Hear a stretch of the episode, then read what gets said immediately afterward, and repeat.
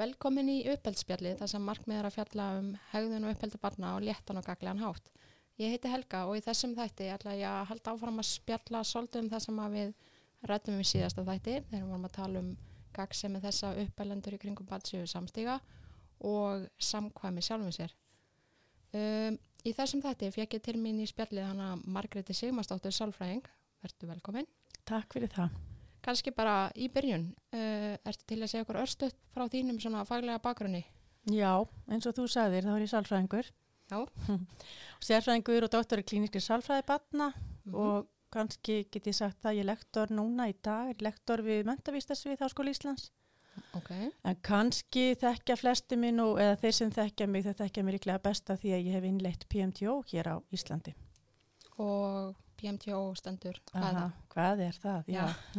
Þannig stöttum máli, hvað er PMTO? Já, PMTO er í raun, það stendur fyrir Parent Management Training Ok, og þetta er í raun sko sannreint eða sannprófa meðferðarúræði eða Mm. úræði til þess að miðhendla Mhm. og líka til þess að nota í fyrirbyggjandi aðgerðir þegar kemur að uppeldi batna. Þeir eru svona leiðir verkfæri í kassa í raun Mhm. sem eru til þess, uh, verkfæri eru til þess fallin að ebla og styrkja fóreldra í sinni færni. Ok. Þannig að spell passar inn í þetta hjá ykkur. Já, nákvæmlega, hefnar við að fá, fá því til okkar í spjall. Heyrðu, við vorum aðeins síðast að tala um hérna að vera samkvæmi sjálfur sér væri svona meðal annars það að nota sömu aðferði frá degi til dags, ég ger ekki eitt í dag og annað á morgun, svona öll, öllu jafnu. Uh -huh. og okkur langaði að fara aðeins dýbra í þetta og velta fyrir okkur hvað myndið þú segja að væri gaglegt við það að svona uh, standa við það sem að maður segir og gera það sem að maður segir Já, þetta er alveg spurning, stór Mhm. spurning. Þannig að við getum kannski svarað henni bara alltaf í mörgum þrepum, Mhm. en við getum kannski byrjaði að segja svona í heildina, þá er það auðvitað þannig og það hefur verið sínt vel fram á það að ef bænt búa við örugar aðstæður, mm -hmm. þar sem svona uppeldis umhverfi barnana er styðjandi, Akkurat að þá einfallega aðlagast börnin betur. Mm -hmm. Í stað þess að vera við, konar, vera við aðstæður þar sem allt er í ákveðinu óreiðu og, og svona kannski þvingandi eða með einhverjum hætti í það minnst ekki styðjandi. Já, akkurat Þannig að það er svona, það er stóra, það er svona breyðasvarið. Já, nokkarlega En um, hver, myndur segja að vera munur og ef það er munur hver er munur því að svona standa við það sem að maður segir Uh -huh. eða gera það sem maður segir maður segir kannski ég ætla að hérna henda dótinu ruslið Uh -huh. Um, og svona eins konar lofvorðum myndur segja að vera munur á þessu Á lofarðum og, og að, að standa við það sem að maður segir já, ummitt, akkurat og gera það ekki. Þú veist, það er auðvitað bara mjög algengt, þú Mm. veist, í, hjá okkur fóreldrum, bara svona í amstri dagsins, akkurat að segja alls konar svona, já, ef þú gerir þetta, þá bara, þú veist, ef þú stendur þig vel í prófunum, mm þá færðu hjól. Já, nákvæmlega Eða þá bara, þú veist, einhver við yngri börnin, þú veist, ef þú lofar því að vera svo alltaf góður, mm þá færðu þetta. Akkurat Og það, það held ég bara að allir sem eru fóreldrar þeir kannast við þetta. Mhm. En það er gríðilega munu þarna á og þú veist það er kannski svolítið þetta að hérna að já, þegar við erum að, semst, að lofa börnum einhverju og stöndum í raun ekki við það, þá er það oft byggist það svolítið á því við erum ekki að hugsa hvað við erum að segja. mm -hmm. Við erum bara að segja eitthvað út í Já, bláin svona Já, kannski til að klára einhver ákveðna aðstæður og redda okkur Já, redda málum akkurat núna sko. mm -hmm. En líka kannski það að þú veist við erum oft, hugsum ekki að hegðun er í raun með þeim hætti, að því ég veit nú að þið hef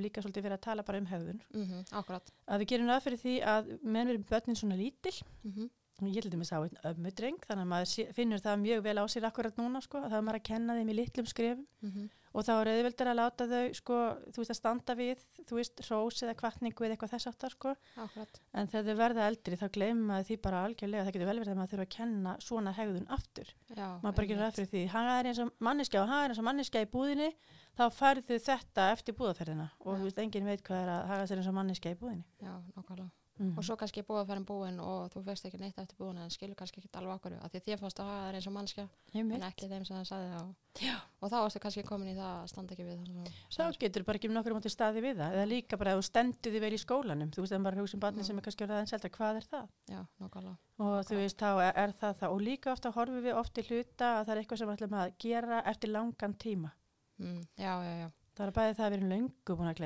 við að mm, Já, það það að við að akkurat og kannski, búin að, kannski að vonast til að barnið sé líka búin að glema því Nei, mitt, já. Já. og það er bara talsveg líkur á því eða það bara að maður hefur oft gefið út einhver svona lofarð einhver að vera með einhverja svona fyrirætlanir Mhm. og barnið er lengu bara búið að, þú veist, að það þýðir ekkert að taka marka þessu. Já, að því að maður er svo oft sagt eitthvað svo gerist ekki neitt. Já, Já, en, en ég vil svona aftur segja, sko, ég minn auðvitað er það þannig að við bara, það er bara mjög eðlilegt. að Já, Við gerum eins og alls konar hluti í amstri dagsins. Akkurat. Þannig að já, maður getur alltaf varðið betri. Ok, en getur þú gefið okkur nokkuð dæmi um svona lofarð? Nú, Við erum búin að taka nokkuð dæmi en getur þú tekið bara nokkuð kannski tvö dæmi? Já, mér finnst alltaf þetta einhverna dæmi vera ansi gott, sko, Mm. þú veist, þarna að þú stend, eða einhverna dæmi, þetta skóladæmi, þú Mhm. veist, að þú gerir þetta þá þetta, sko, sem er algjörlega óraunhæft, allt og stór hefðun og allt og flókið. Akkurat.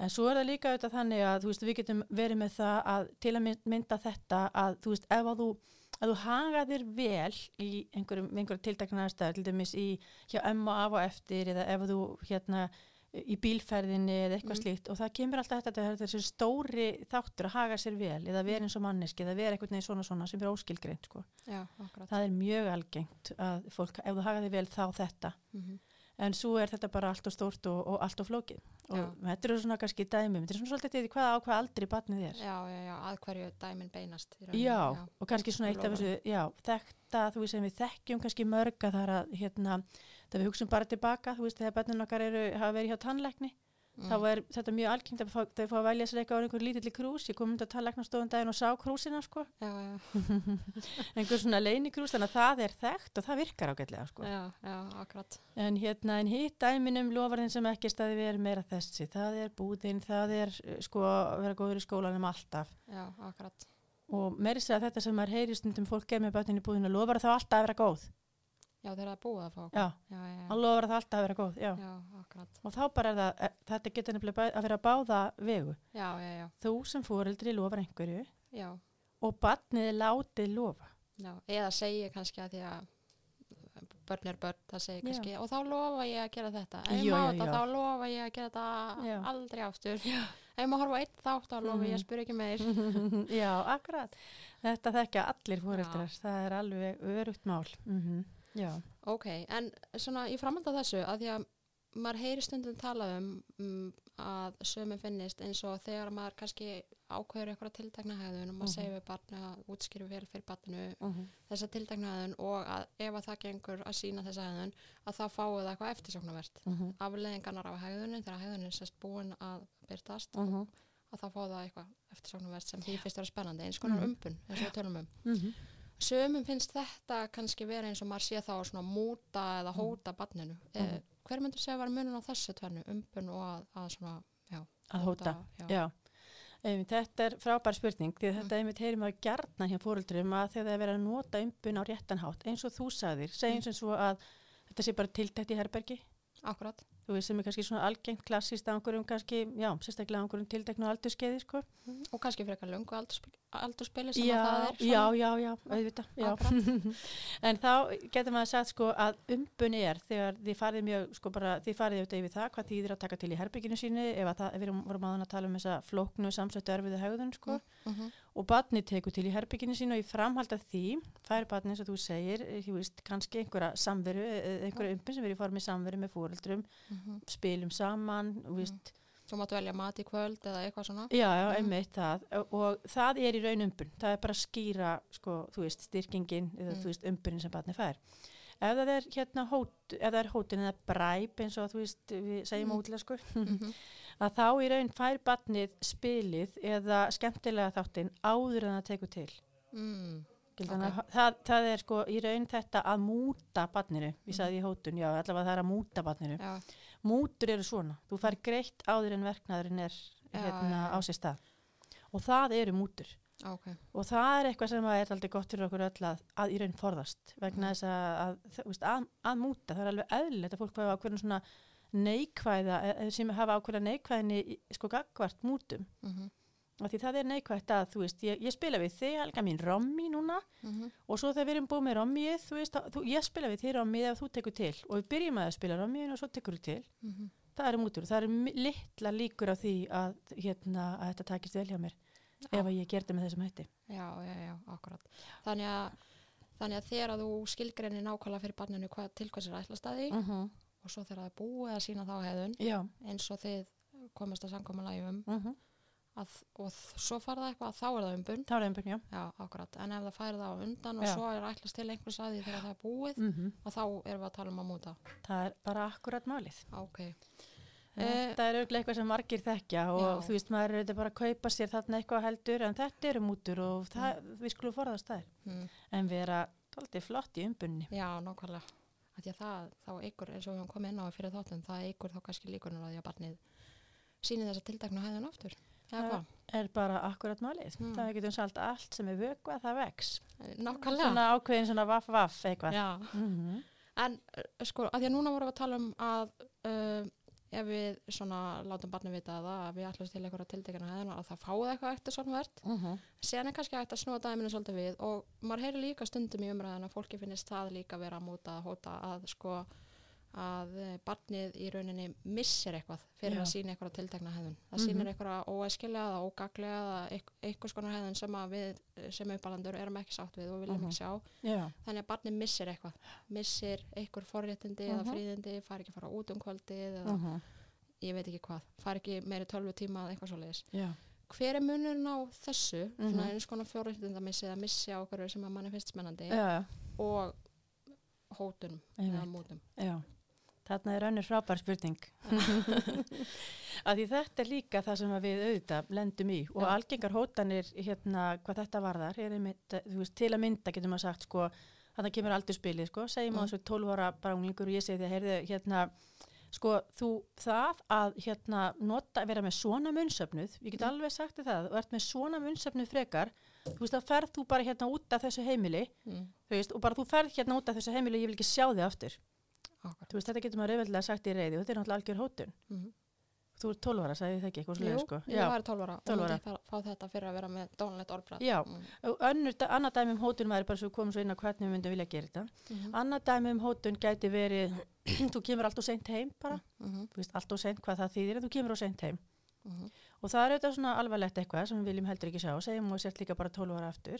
Já, og ég kem sérna heim en mér var sagt að gera. Já, já, já, Mhm. þú kemur setna heim heldur en við svona verið með áætlunum, já, Já. og þá segi ég byttu það þýðir, sko Helga, að þú veist það, þú komur svona seint heim núna, við vorum búin að tala um klukkan 8 og klukkan er núna 9 kannski, Mm. Mm. að þú fer ekki að fara út eftir kvöldmattin alla vikuna, Já, þú veist, og hversu líklegt er það, þú veist, það er vor, þú veist, gott veður og svona, Mhm. nenni að halda þér heima alla vikuna, það eru líka hótanir, sko, sem Mhm. að er talsveit litla líkur á að maður getur staðið við. Akkurat.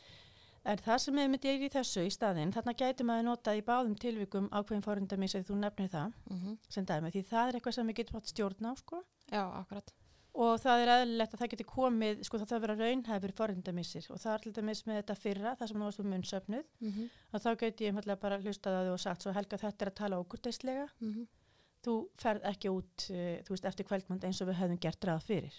Í, í bara í dag. Núna, já. bara í dag. Já. Þetta er, alltaf, þetta er gerlegt, sko.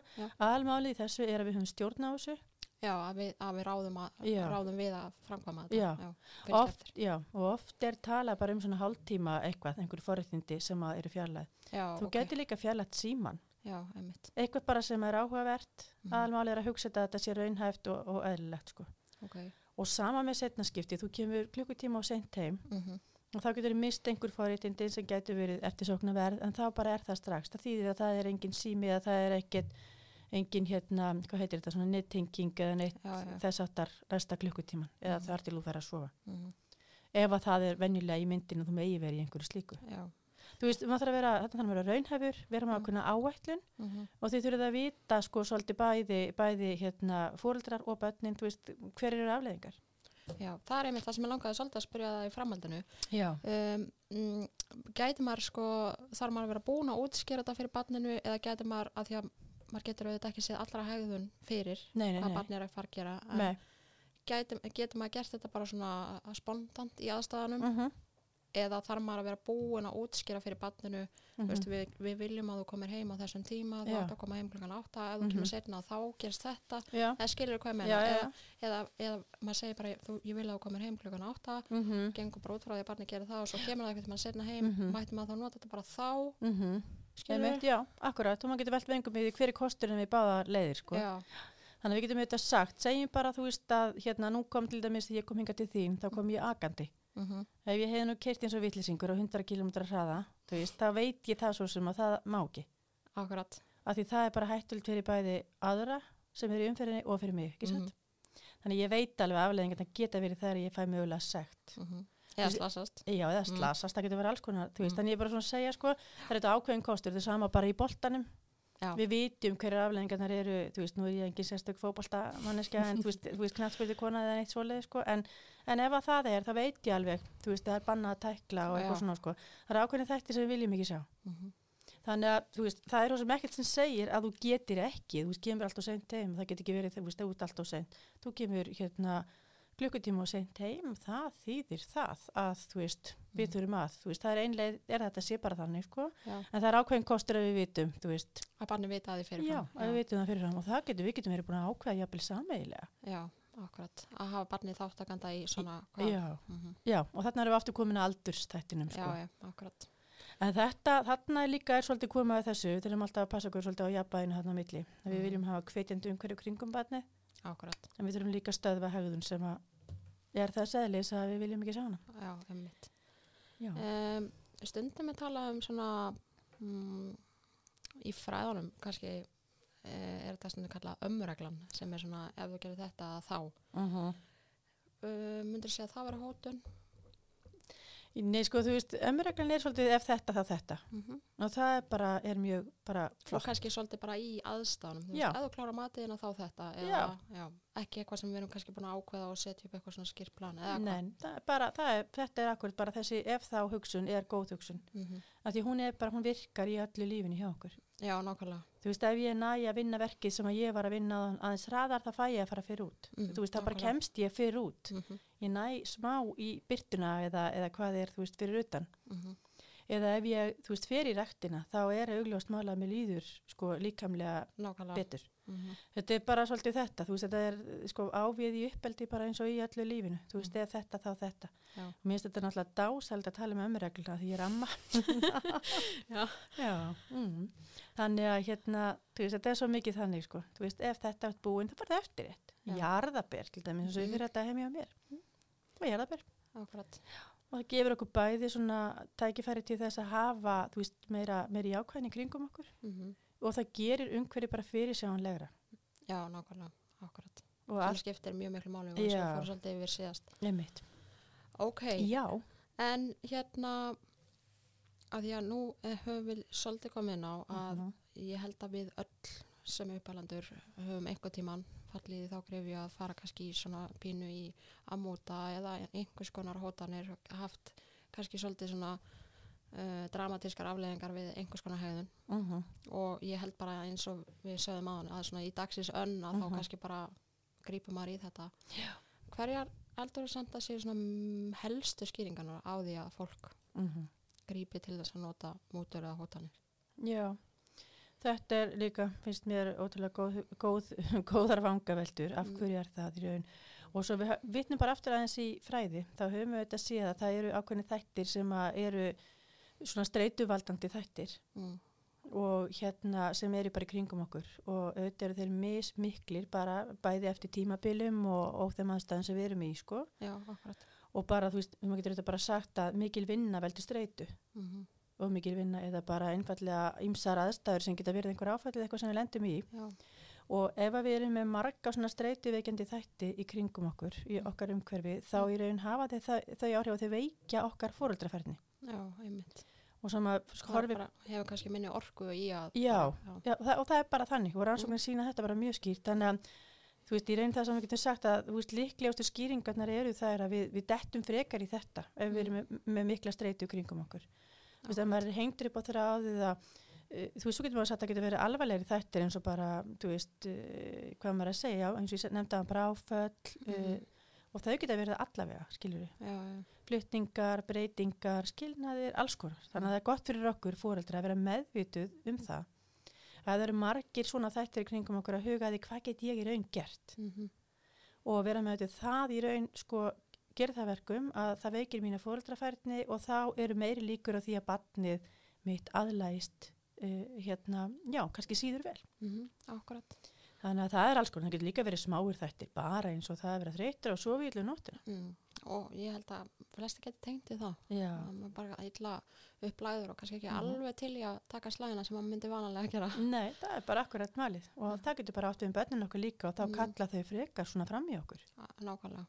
Þannig að þetta verður kannski svona smá vítaring Já. með fóröldra og bars já, já, já, akkurat. Mm en hvað hvaða áhrif heldur að hótana geti haft á líðan barna svona Mhm. tilfinningar sem að þau upplefa þegar einhver segir hérna að nú kosti seint heim og þú far ekki frá út næstu vikun eða mánuðin eða hvað það er sem mann dættur í huga að segja Hva, hvað hérna, hvaða tilfinningar eru Mhm. líklegt að börn finni fyrir Mhm.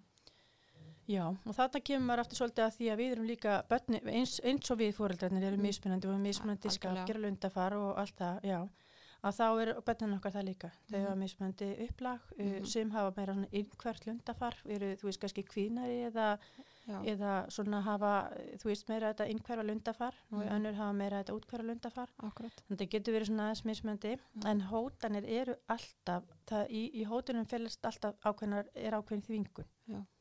og það er sama hvort það er í samskiptum milli fullorðina eða hérna fullorðina batna mm og þegar við fóreldrar erum í því að hóta bönnunum okkar þá erum að búið til þvingandi aðstæður -hmm. og þú veist þarna getum við eins og við vorum að segja bara eftir, því, eftir lundafæri basin svolítið kallað á tilfinningar eins og kvíða bara Mhm. óta Mm og bara þau verða innhverfari og, og, eða innhverfari og meiri vanlega -hmm. við sjáum frekar þessi, öll þessi engjani sko ok og þá jafnvel líka þau, þú veist, ef, þau, ef þetta er mjög ríkjandi þá getur það fara að sína einhverja barnar er í hegðun heldur en almennt sko mm -hmm. að hefði verið hjá þeim sko Mm. en svo er það líka þannig að þau sem eru með útkverfara lundafari þú veist að þau koma, þau sína bara meiri frá ekki hegðun. Já, ok. Verða bara óhlýðnari, taka já. já, skapásaköst og mikill mótrói já, já, þú veist bara mótrói og reyðikost og þess áttar þannig að bara í raun öll hegðun sem er að þessum toga mm. hún helgast, hún get við, við getum haft áhrif á hana -hmm. með okkar eigin hegðun.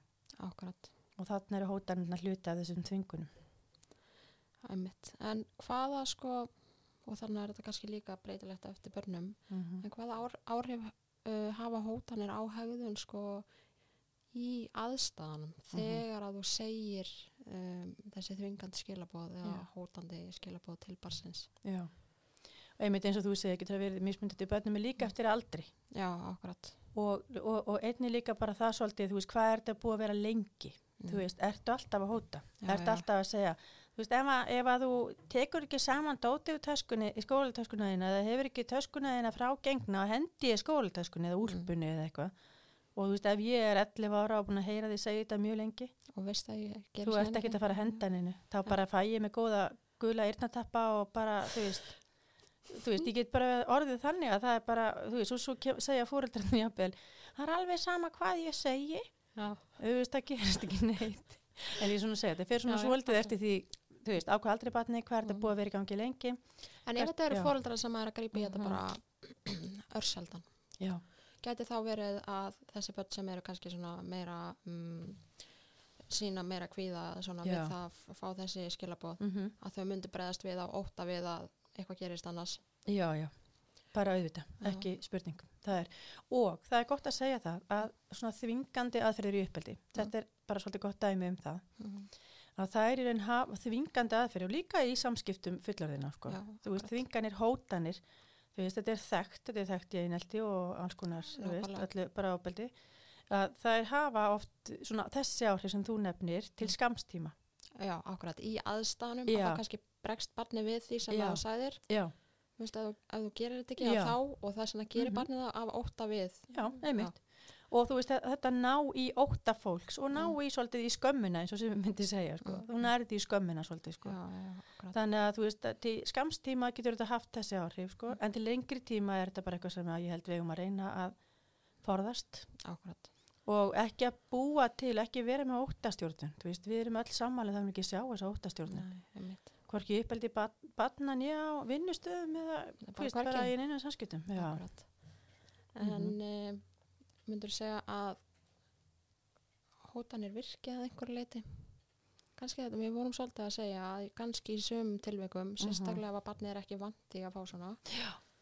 að þá kannski bregsta við þessu og þetta virkar að því að barnið bregst við þessu í óta eða hvað já, já, það er óttastjórnun, hún er Já. þekkt og hún kallast meira að segja á útlensku getur líka takt hún sé svona sársökastjórnun, mm. það kallast stundum svona pain control já, ok og þetta er bara alltaf rosalega vant umhverfi að vera í. Mm Þú veist, bæði fyrir foreldra, börn og bara börn saman í hópi -hmm. eða hérna bara fullorðna saman í hópi. já, Þannig að veist, ég held ég vildi, se- vil ég bara segja það alveg mjög skýrt að bara öll svona stjórnun er vond. mm Hún, hún virkar svona hegðunarlega því ég veit er búin að vera að tala um einmitt hegðun virkar, þú veist, svona maður sem hún virkar sem, getur virkar sem refsing eða sem aflegging sem virkar þarna en til lengri tíma ekki. Nei, og hefur þá líklegast áhrif á uh, líðan barsins Já, mögulega, Mm. ne, bara Og- mögulega neikvæðar aflegginga Já, bæði á líðan og hegðun. Já. til lengri tíma. Til lengri En tíma. í aðstæðanum þá upplifum maður mögulega að þetta hafi virkað Mhm.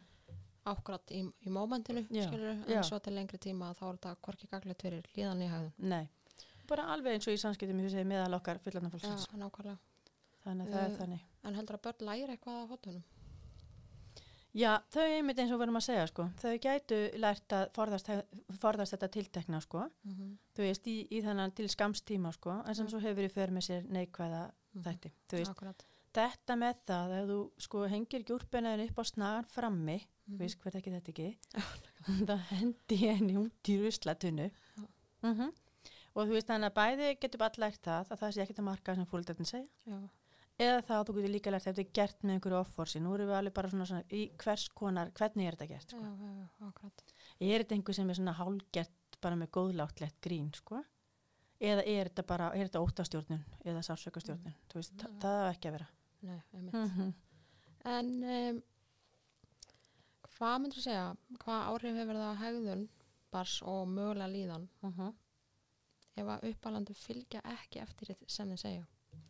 Já, Ef það til dæmis hvað áhrif hefur það að sko, þú ert búin að hóta ykkur Mhm. eins og þessi dæmi sem þú varst að taka hérna, þú veist að ef þú hengir ekki hérna og snaga frammi já, þá fer ég út á hendinni í ruslið. Hvaða áhrif getur það haft á hegðun og mögulega líðan ef að Mhm. þú síðan hættir við þetta? Já. Þú veist, barni hérna bregst ekki við þessu Mhm. og, og þú gerir ekki neitt. og ég hendi bara ekki úrpinni. Já, þú fer síðan bara að fara í kaffibóla. Já, ég veit. Þarna geta líka örglega bara margir tengt, sko. Þetta er bara, þú veist, það er bara döðþreyttur á þessu, krakkin hengir aldrei upp Mhm. úrpina og ég er alltaf að hóta því hún fari í tunnuna og, Mm -hmm. og ég er náttúrulega keift þessu úrpun og rán dýr. Nákvæmlega. Og ekkert á að að hengja hann upp á snagan. og ég er ekkert að fara að henda henni í tunnuna. Þannig að aftur kemur það, ef það er svoleiðis, þetta er svona, eins og ég segi, hvernig eru aðstæður, sko, Mm. þú veist þarna. Því þetta er líka, þú sér þetta líka, sko, sem svona léttvægt pínu, sko, Akkurat. En þú getur, sko, þannig að batni bara hugsi, hún mun ekki gera þetta hvað, hún hendur úrpinn, hún keift hana. Það þarf að kaupa aðra úlpu. Já, eða skólatöskunni, ég kennst ekki skólan, er umleitt fyrir hana.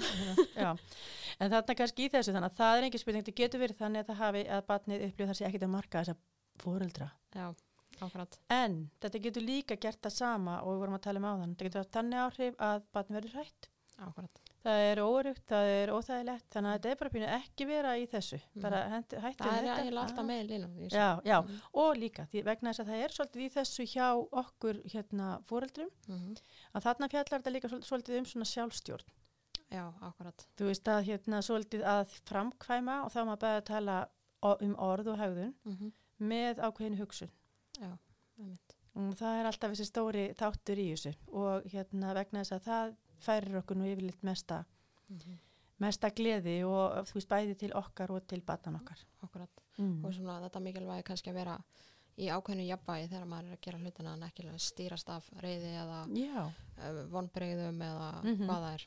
sem er samt svo auðvelt að segja en Mhm. erfitt að gera en það Algjörlega. er ákveðin trikk í þessu þetta sem við getum svo nota við getum komið að því á eftir sko, hvernig við getum gert þetta tilfinningar hafa alveg ótrúlega áhrif á okkur Mm.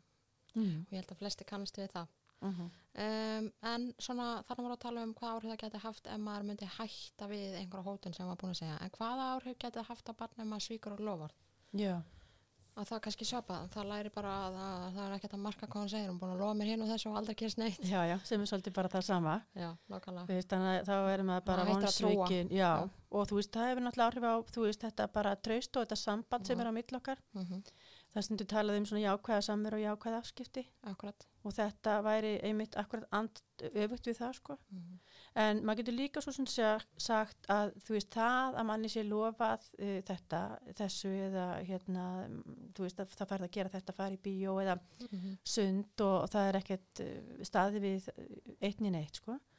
Að það er auðvitað líka bara, veist, getur við sagt að veist, það, er, það er neikvægt á svo marga vegu vegna þess að við notum sko kvartningu, þú veist að við viljum að fara í sundið eða gera þetta ef maður hefur til dæmis loki við eitthvað akkurat að þá er þetta kvartningin, hún hefur ákveðin góð áhrif á sjálfströstið. mm Þú veist, ég náði að ljúka þess og þess vegna fyrir við í sund. akkurat sem er þá aftur hennar þessi umbun sem vorum að tala um áðan. Já, og þannig að þú veist, að því að kvartningin hangir svo mikið saman við sjálfströst. já, akkurat Þannig við getum eiginlega sagt að það, hefur, það getur haft bara svona niðurbrjótandi áhrif á sjálfströstið. að þú, það er sagt við því hérna ef þú klárar þetta mm Mhm. þú veist, við standi, mætir alltaf á réttin tími í skólan allavega, en að þá bla og svo fegst aldrei þetta bla þó Já. það er gert það þá Já. svona, hm, en Mm. betur hvað ef ég nú átt að gera öðruvísi eða Já, einmitt. ekki nógu vel eða- Nei, emi, það heyrir bara að þú ert að tala um óryggi núna sjálf, sko, já.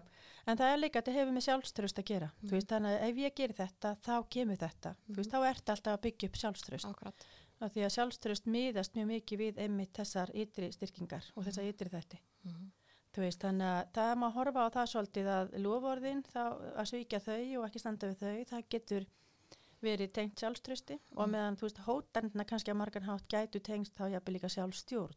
já, Að þú setur ákveðin mörg, til dæmis að mig hérna með aksturinn hérna áðan, sko. mm akkurat Þá ertu í raun að hérna að búa að kenna mér sjálfstjórn. mm Mm -hmm. einmitt Já. um, hvað, ég held að næst var þetta alltaf gaglegt að átt að segja hvað gætu uppalandi gert, af því að eins og við erum komin inn á og ég held að sé bara mikilvægt að endur taka þennan aftur, þetta er eitthvað sem við höfum líklegast flest eitthvað tíma gert, Já. og það er bara eðlilegt. Já, já, einmitt. og, en hérna hvað geta uppalandi gert ef þeir kannski annarkvort fara fram úr sér og segja eitthvað sem að þeir sjá síðan eftir að hafa sagt, eitthvað skonar hótun eða mútur eða lofa einhver og sjá svo fram á að þeir muni ekki geta staðið við þetta Mm -hmm. skilur. hvernig er þetta að útskýra það fyrir barninu? Já.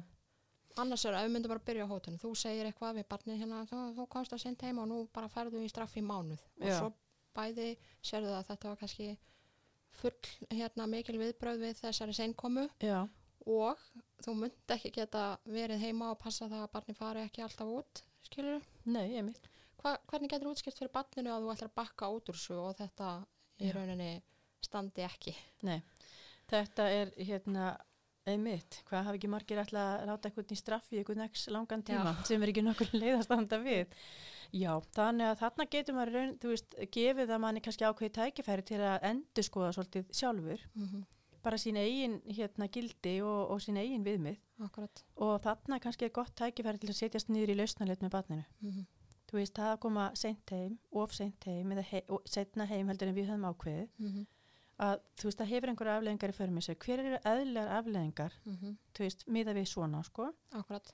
Að við viljum og þarna komum við svolítið eftirliti. Þú Mm. vilt auðvitað geta haft ákveðið eftirlit með hegðun barna Já, akkurat. Og það að koma heim á þeim tiltekna tíma sem talað er um eða þú veist, með þeim hætti sem talað er um, það skiptir miklu máli í uppeldi. Mm Þannig að þarna væri í raun sko ákveð tækifæri til að nota lausnarleitar verkværið. og setjast niður með barninu og Já. segja þú veist, við þurfum að vinna með það að koma heim á réttin Mhm, tíma, já. hvernig getum við gert það og hverju eru afleðingarnir ef maður kemur ekki heim á réttin tíma Já, svona hvað- sangjarnar Já, afleðingar hver er sangjarnar afleðingar og bara þú veist það að koma heim á réttum tíma, hvað er það þá? Mm, Þá ertu komin út í að þetta þá þetta líka í þá áttina. já, Þannig að þá verður umhverfið einfallega fyrirsjáanlegra mm og líka það að rödd bassins kemur inn.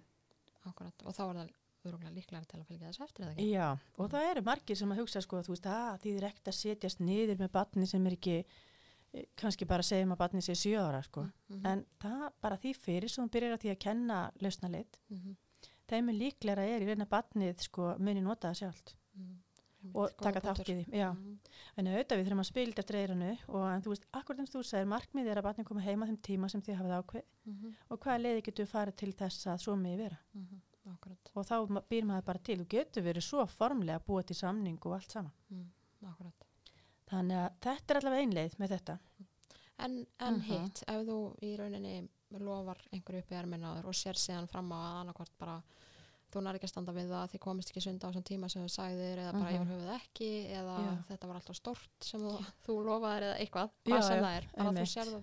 sérð að þú þarft í raunin að svíkja loforðið Já. hvernig er þetta að útskýra það fyrir barninu? Mm Og þá getur maður velt vengum í með hvað hætti getur sko lausnaleitin komið líka inn Mhm. sem mikið var þáttur þarna ef þú sérðast sko fyrirfram jafnvel, og, hérna, og getur í raun rættaði barnið. Mm Þú veist, hvað er það, maður getur einleið væri að sittast niður í lausnaleitina bara. Þú veist að markmiðið er að við gerum þetta eftir þetta -hmm. en það komi upp að pappi eða mamma eða þú veist, hérna, svo sem er upp að landi getur ekki gert þetta, hvað leiði getur við farið? Akkurat. Þú veist, þannig er, ein, það var einleið og þá í raun bara ma- ma- væri maður að hugsa þannig að, að hérna, að barni hefði líka rödd, sko, getur við farið í sundið einhvern annan dag, Getur við breytt, þú veist, umbunni í eitthvað annað, þú veist, Mm. og það væri gerlegt miða við það sem að, að það er aðstæður, sem kom upp já, Já. sem komið upp, Mm. er einhver annar sem getur komið inn, sko, þú veist, þannig að þetta horfa á þetta bara með þeim hætti í raun. En ef þú ferði að sko Mm. lofa ykkur of stóru og segir hérna ef þú Mhm. mætir á réttum tíma í vikur í skólan þá fyrir við til útlanda eða eitthvað því að þú ert bara að vonast til þess að þú ætla bara að gera allt til að fá barni til að en svo sérðu kannski Mhm. að þú ert ekki verstandi við þetta. Einmitt. hvernig, hvernig myndi maður tækla það? Já, hvernig myndum maður taka það? Þannig að þá getur maður líka veltið yngum yfir því bara hvað er raun raunhæft, Þannig erum við komið svolítið í þetta sami eins og ég var að segja með ömmuna sem kennir nú barninu að klæða sig sko, mm litla barninu sem er tveggjára en svo allt í hennu er þú hætt að gera það þegar barnið er sex ára. Já. en samt er, hérna, er þetta mjög mikið mál að klæða sig í fötina mótnana. Mm þannig að þá getur maður sagt hvernig get ég reynda að brjóta þess að hegðu niður í lítil þrep Akkurat og haft kannski raunhæft í hvert Já, Já. raunhaf markmið og þú veist til dæmis þetta með eins og þú nefnir að mæti í skólan sko, en Mhm. maður, þú veist, mætir í skólan réttin tíma Mm. þá er eitt sem er gott, það er bara að hafa alltaf hvert dag sem viðmið fyrir sig mm. og þá annarkvort getur maður, þú veist, valið það að hafa einhver tákn, sko, þú mættir í réttin tíma í skólan í dag Mm og þú getur haft eitthvað sem að þið veljið, sko, ég meina er það hvað, þú veist, getur þú sapnað einhverjum -hmm. Og eftir fimm óskasteina þá er eitthvað, þú veist, það, það er allavega svona leiðir til, veist, en það er bara hver og einn að finna sína leiði þessu, veist, þarna ertu svolítið komin í það að það er ekkit eitt rétt eða Nei, En- hvernig getur það er, sko, hugsun svolítið í þessu er svo að, hérna, hafa hlutina raunhafa, mm gera það þannig að þið ráði við það að það hendi fyrir ykkur sem fjölskylda. -hmm. Akkurat. Og þú heyrir það að þú ert í þetta og þetta. mm Þú ert í ef mér reglina látlist.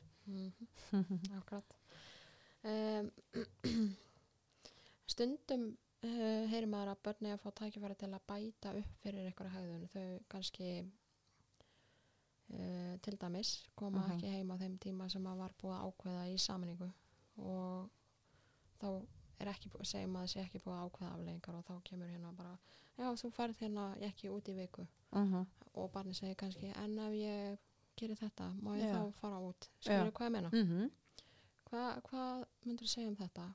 Mhm. Hver, hvað getur maður bætt upp fyrir og hva, Mhm. hvaða áhrif ætti það að hafa þá? Já.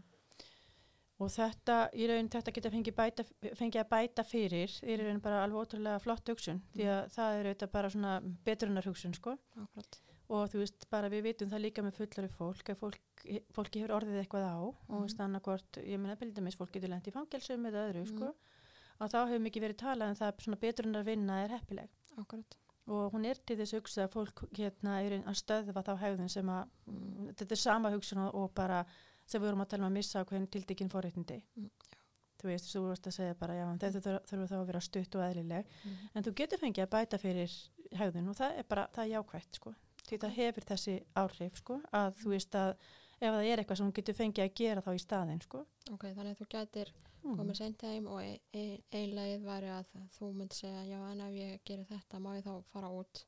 mm. Já, sko næstu vikuna eða, þú veist, eða það Já, sko, já, já. Þa- þú veist, þarna er, það er svo erfitt að segja sko akkurat er þetta heppilegt þarna eða ekki þarna þú veist Mhm. akkurat við þessar aðstæður eða væru einhverjar afleggingar það það þýðir það að þú ferð ekki út á morgun Mhm. og svo getur við sest á ákveð þú veist þess vegna ef þetta kemur fyrir aftur Mm eru það, þetta er svona ákveðin uppbótaverkefni sem þú ert að tala um í raun sko. Og uppbótaverkefni eru í raun sko alveg heppileg aflegging hegðuna til þess að stöðvana Mm en þau þau þá vera þannig að barnið sko hafi ekkert áhuga á að framkvæma þau skilur Já, já, þetta, já. þetta sé í raun svona ákveðin uppbótar vinna skilur þú vinnur eitthvað sem er að öllu jafna ekkert eitthvað rosalega skemmtilegt. Ok. þú veist, þú ert að bæta fyrir hegðunina Mm með einhverju, einhverju tilteknu verki. -hmm. En þú veist, maður vinnur auðvitað ekki uppbótaverkefni klukkan tíu að kvöldi. Nei, emmitt þú veist, þannig að þá er það kannski eitthvað sem myndi þá koma næst eða þá hún myndi að býða um næsta dag. Mm það væri líka ein, einleið. Þú veist, ég, veit ekki hvort að svari því sem þú ert að tala um svona, en þetta er svona, þú veist upp, upp, að fá að bæta fyrir er ekkert sem segir að, rektin segir að það sé ekki leið svo lengi sem að batnið, þetta sé ekki einhver hluta -hmm. þú veist, þetta er bara eins og þú veist, ef að ég væri, þetta væri pappin bara eða mamman, Mhm. við segjum bara mamman á heimilinu Mhm. hún er vön að hérna, taka eins til í bílskurnum og lögutarsmotnum þá væri það ekki það sem ég myndi gera skilur já, heldur væri það eitthvað annað sem ég væri ekki vön að gera já, já, akkurat mm -hmm. En ef að sko, segjum til dæmis bara að því við höfum aðeins talað um búðaferð og ég held að það sé eitthvað sem að margir lenda í að sé á einhverjum tímapunkti allan að erfitt að barnið er að byggja um eitthvað og svona. já, Segjum að þú sér búin að skilgreina vel fyrir barninu hvernig hegðun er æskilega, æskilegt að sína í búðinni. mm -hmm. Og svo segir þú hérna um, og ef, ef að þú getur sínt þessa hegðun í Mhm. búðinni að þá máttu velja þér hérna ávast. já Ok. mm -hmm. Uh, síðan sýnir barnið ekki þessa hegðun í búðinni sem Mhm. að þeir voru búin að ákveða í sammenningu Nei. og þú segir já, nú getur ekki fengið á, ávist en, Mhm. og barnið segir en ég lofa að gera það núna í, í Ah, fimm mínútur já. ég, ég er svona svolítið Mhm. að ert að meina það, já, já, getur maður þá sko, Mm -hmm. hvað gerir maður þá skilur, þá af því að nú var, var, maður búin að útskýra hegðuna Mhm. og hvað maður getur fengið mm -hmm. og svo ertu búin að segja við barnið nú, þetta, er, þetta er ekki hegðunni sem voru að tala um, maður verður að gera þetta og bara sem maður fá ávist en maður við segjum, ef, ef Mhm. við gerum þetta þá getur Mhm. við ekki ávist Já. en núna, þú veist, er Mhm. það ekki hægt eða eitthvað, hvernig sem maður orða það mm er þá í bóði fyrir barnið að má ég núna aftur prófa Ah, í fimm minútur, skil, skilur já. af því að þá, Mhm. þá er maður þá samkvæmi sjálfum sér eða Mhm. það, það er svona smá þessi pæling já, einmitt Þetta er, þetta er allt annað, allt- þetta er allt önnur ella. ok, Nei, þarna er ekki búið að hérna fá að bæta fyrir það, sko. Þarna Nei. ertu bara, þarna ertu að segja, þú, þú veist, ert flottur í búðinni, Mhm. sem þýðir að vera nálaðt körfinni og einmitt þetta eins og segir nátt inn í röddina og Mhm. jafnvel að hendur og fætur og sér, sko, þú veist, því er að skipta. Mhm. Þannig ef þú gerir það ekki, maður verður að vera mjög sanngjarn í því og horfa við gegnum fingur sér og allt það, Já, þú já, veist, þannig að maður ætlar að láta- batinu takast. Mm. Þannig ef það tekst ekki, þá er bara ekkert, þú veist, þá er bara málið dött, þú veist, Mm. þá færðu ekki akkurat Þannig að miða við það, þá er það ekki, vegna þess að þá læri batni bara auðvitað þetta það, að það getur bara haga sér allavega og samt fengið. Mhm. þannig að ef maður er búin að Mhm. skilgreina hegðuna Mm -hmm. og afleðingarnar Mm -hmm. að þá kannski á þetta ekki við að bæta upp allan ekki fyrir þessa tilteknu afleðingar skilur hvað meina Mhm, Nei, einmitt. Og það, það væri með seinkominnar Mhm. í því samengi, sko, þá veit maður að maður er að koma heima á einhverjum tilteknum tíma. Mhm. Ef það hefði verið einhver umbun í bóði, þá, Mhm. Veist, þá hefði maður aldrei getað bætt fyrir og fengið umbunna. já, akkurat, við erum er- eiginlega svolítið já, að tala það um það, það, sko. já. Þú getur ekki bætt fyrir og fengið umbunna. Nei. En þú getur hins vegar mögulega bætt fyrir hegðunina eða hefðu, skilur að það, veist, það er að segja að það hefði að vera einhverja afleðingar Mm. og það getur verið, að afleðingarnar geta verið í formi, þess að gera eitthvað sem þið finnst ekkert geggja já, sem er sama hugsun og forréttindamissir. Já, akkurat. Þannig að þetta er, ég held að að e, ef það búið að einhverja hegðun og getur fengið umbun, Já. sí- sýnur ekki þá hegðun að þá getur raun ekki bætt upp til, að- til að fá þessa umbun, allan ekki í þessum aðstæðum, þá Nei. kannski bara prófum átt sinna. Já, einmitt. En ef þú Mhm. sko í rauninni uh, sýnir ekki eitthvað hegðun og þú ættir að fá afleðinga fyrir það, Mm þú veist, eitthvað, eitthvað forréttindamissi Já. eða eitthvað, þú mátt ekki fara út daginn eftir, Já, að þá gæti komið til greina að gera eitthvað uh, uppbóta Mhm, verkefni bætu mhm. upp sem snýst á um að gera eitthvað sem að manni finnst ekki skemmtilegt Ekki spennandi.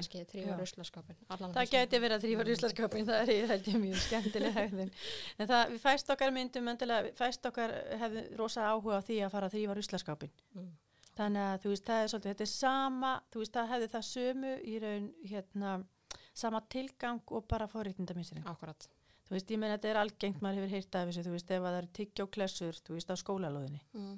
Og það er eitthvað, þú veist, eitthvað sem einhver stóri yfirsjón, sko, Mm. þá getur fólk, þá getur, getur það verið að þá hreinsar það bara upp tyggjóklessuna. Já, einmitt Þú veist, ég bara segi þessum dæmi, ég er ekki að segja það að ég vera það sem við erum að gera, en þetta er bara, þetta er svona dæmi, þannig að um það. Ok. Mhm. Og þetta fylgir allt þessu, ef þetta þá þetta. Nákvæmlega, það er svona Mm. mm. gangandi þetta með okkur ef þetta, þá þetta Já. Akkurat Mm. uh, Ok, Mhm. um, þá held ég að við séum svona nokkur veginn búin að átta okkur á um, hvað eru hótanir og uh, hvers vegna það er gott að reyna að draga úr þeim. Já. og svona munin á hótunum og forréttindamissi og hvað umbunni er og svona. Já. um, hvað sko hvernig getum við skapað aðstæður? Uh þar sem er óleiklegt að við grípum í þetta. Einmitt. Við erum svolítið múin að koma inn á þetta en ég held að það getur verið gott að draga þetta aðeins saman í lokin. Já, aðeins svona enda á hvernig getum við skapað aðstæðana þannig að við þurfum síður að fara að grípa í eitthvað svona Mhm. já, mútur eða hótanir. Að við dettum síður í þann pittin já, Já, en það er kannski svolítið eins og þú segir, við erum svolítið búin að koma að þessu, en það er að hafa umhverfi bara fyrir sjáanlegt mm og við þurfum ofta að skoða alls konar hluti hjá okkur sjálfum þá, bara, Akkúrat. sko, hver eru við minn, hvað, hvað, hvað, hvað, hver, eru bæði kröfunar -hmm. og hver eru viðmiðin hjá okkur. Það er sama Mhm. hvort að það er, þú veist, þetta sem snýra því að haga sér þessu manneskja í búðinni eða, hérna, eða við einhverjar aðstæður bara heima, hvernig maður lærir heima, hvernig maður, þú veist, er í samskiptum við aðra á heimilinu, samskiptið sískina er oft alltaf gengt, sko. Mhm. Að það er þetta, að hafa það bara ákveð. Þeim er meira sem við höfum það vel skilgreint, þú veist, að hérna hvað þetta allt saman, að haga sér þessu manneskja, þeim er minni líkur er á því að við lendum í þessum aðstæðum. Mhm. Svo er það svolítið þetta að, hérna, að leifa reglunni ef þetta þá þetta bara að vera bara í virkni. Akkurat. Þú veist, þannig að, að við viljum byggja upp umhverfi sem er hvetjandi og Mhm. styðjandi. Mhm.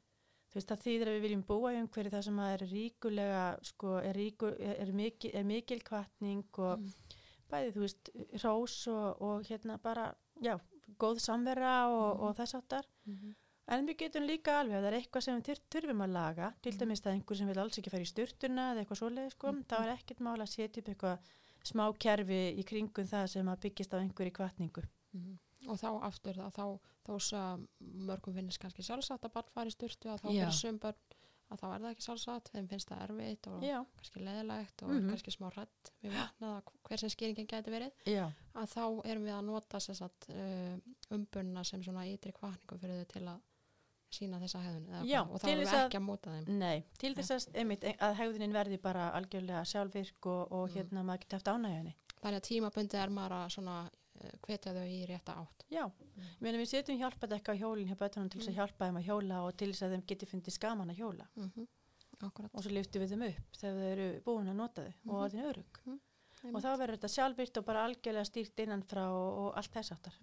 Mhm. Þannig að það er mikilvægt en svo er það líka þetta bara með að, hérna, að vera skýr í fyrirmælum og ég Mhm. veit að tíminn okkar er svona að hleypa kannski frá okkur en samt, Mhm. þú veist, þú veist að ég mér að það er þetta mikilvægt líka að vera skýr í fyrirmælum. Mhm. Til til hvers það ætlast Já, Mhm. þú veist til að mynda þetta bara með þig í staðan fyrir nú setur þú með fætunar upp á borði ef við myndum okkur það hérna sko Mhm. og í staðan fyrir ég segi við Helga ekki vera með lappitan upp á borði og vera endalaust svona sóðaleg heima við eldusborðið og þetta. Já.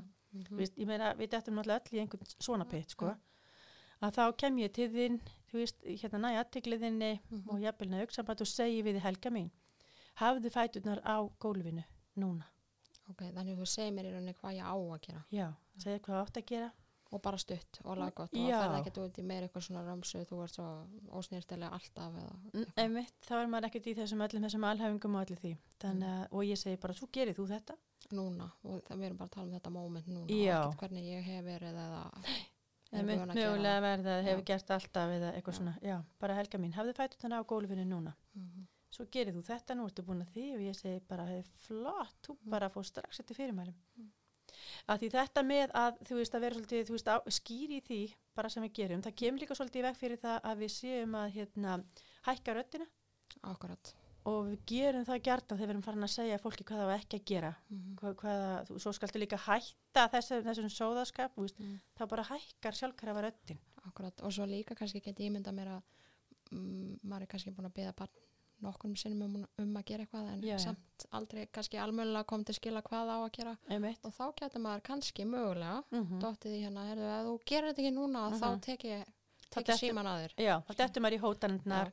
Og líka þetta. Svo er líka þetta, því vorum að tala um að hérna, hvernig átt að vera fyrirsjónlegt, að Mhm. hegðun sem er flókin og samsett, til Mhm. dæmis eins og þetta að læra heima, uh, jafnvel að hérna, þú veist, fara fætur á mótana, fara svo á Mhm. kvöldin og svona, þetta er taka bara, til já, taka til í Mhm. herberginu, að ta- búta hana niður í lítil skref, mm. kenna barninu skrefin, sko, Mhm. til dæmis eins og þetta að fara fætur eða læra heima bara sem dæmi. Mm Það er að kannski fyrsta skrefið er kannski bara ná í töskuna, setjast í borðið, já, Já, og svo kemur þetta að taka upp úr töskun og sjá hvað á að læra. mm svo kemur að lesa, sa- eða gera fyrst eða skoða í mentor eða hvað það er sko. Mhm. Þú veist, að hafa þetta í litlum skrefum og hafa þetta skýrt og, og hérna, nú ef að þetta er vandi, þá er ekkert sem segir að það með ekki hafa einhvers konar kvartningakerfi, hafa Mm. svona hjálpadekk þar til að þetta er allt saman komið, komið í eitthvað svona vana Mhm. og þá eru minni líkur á eins og þú segir þessum uppakomum, hótunum og, Mm. og hérna, og þessu svona þvingandi andrumslofti. Mm. Eða mögulega einhvern svona plat kvartningu að þú veist ef þú lærir nú heima á hverjum degi að þá skulum við bara skella okkur hérna til Úrlanda Já, akkurat það. Já, þannig að hótanir og lofar eru svolítið háð því að það vantar svolítið þetta svona í umhverfi hjá Mm. okkur. Mhm. eins og við segjum svona skýr fyrirmæli og skýr viðmið, e, Akkúrat. er ríkulega kvartning og búta hegði niður lítil þrep Mhm. og auðvitað þar líka stöðva hegðun sem er hættilega og erfið. En inn í þetta kemur við nefndum líka lausnalitina, Mhm. þannig að Og hérna og þá er auðvitað tilfinningastjórnin líka mikilvæg og virku samskiptin. Þannig að Mhm. þetta er allt svona þessi þættir sem að við viljum sjá. Hljómar einfalt, þú veist, og er Já. örgulega einhver leit einfalt, Mhm. en ef að það er eitthvað sem að er ekki einfalt, þá bara er ágætt að skoða það. Staldra Akkurat. við og skoða. nákvæmlega og við munum líka í svona já, eitthvað í- á næstu vikum eða mánuðum fara betur í þetta sem þú ert að tala um eins og skýrfirmali og Mhm. betur í kvartningu og. Og mörg ef það er eitthvað sem að maður þarf að stoppa eða Mm -hmm. breyta eða svo leis. Mm Heyrðu Margrét, Já. ég held við verðum því miður að, að enda núna. Takk hella fyrir komuna og, og þetta skemmtilega áhugaverða spjall. -hmm. Takk bara kærlega fyrir og gangi ykkur vel. Bara Takk. bæði ykkur og þeim sem að hlusta. Gangi fólki vel að alveg bönnin sín. Nákvæmlega. Uh, ég vil í lokim bara minna hlustundir á uh, heimasíðan okkar uppelsfarni.is og Facebook síðana viðja uppelsfarni. Þánga til næst. Bless.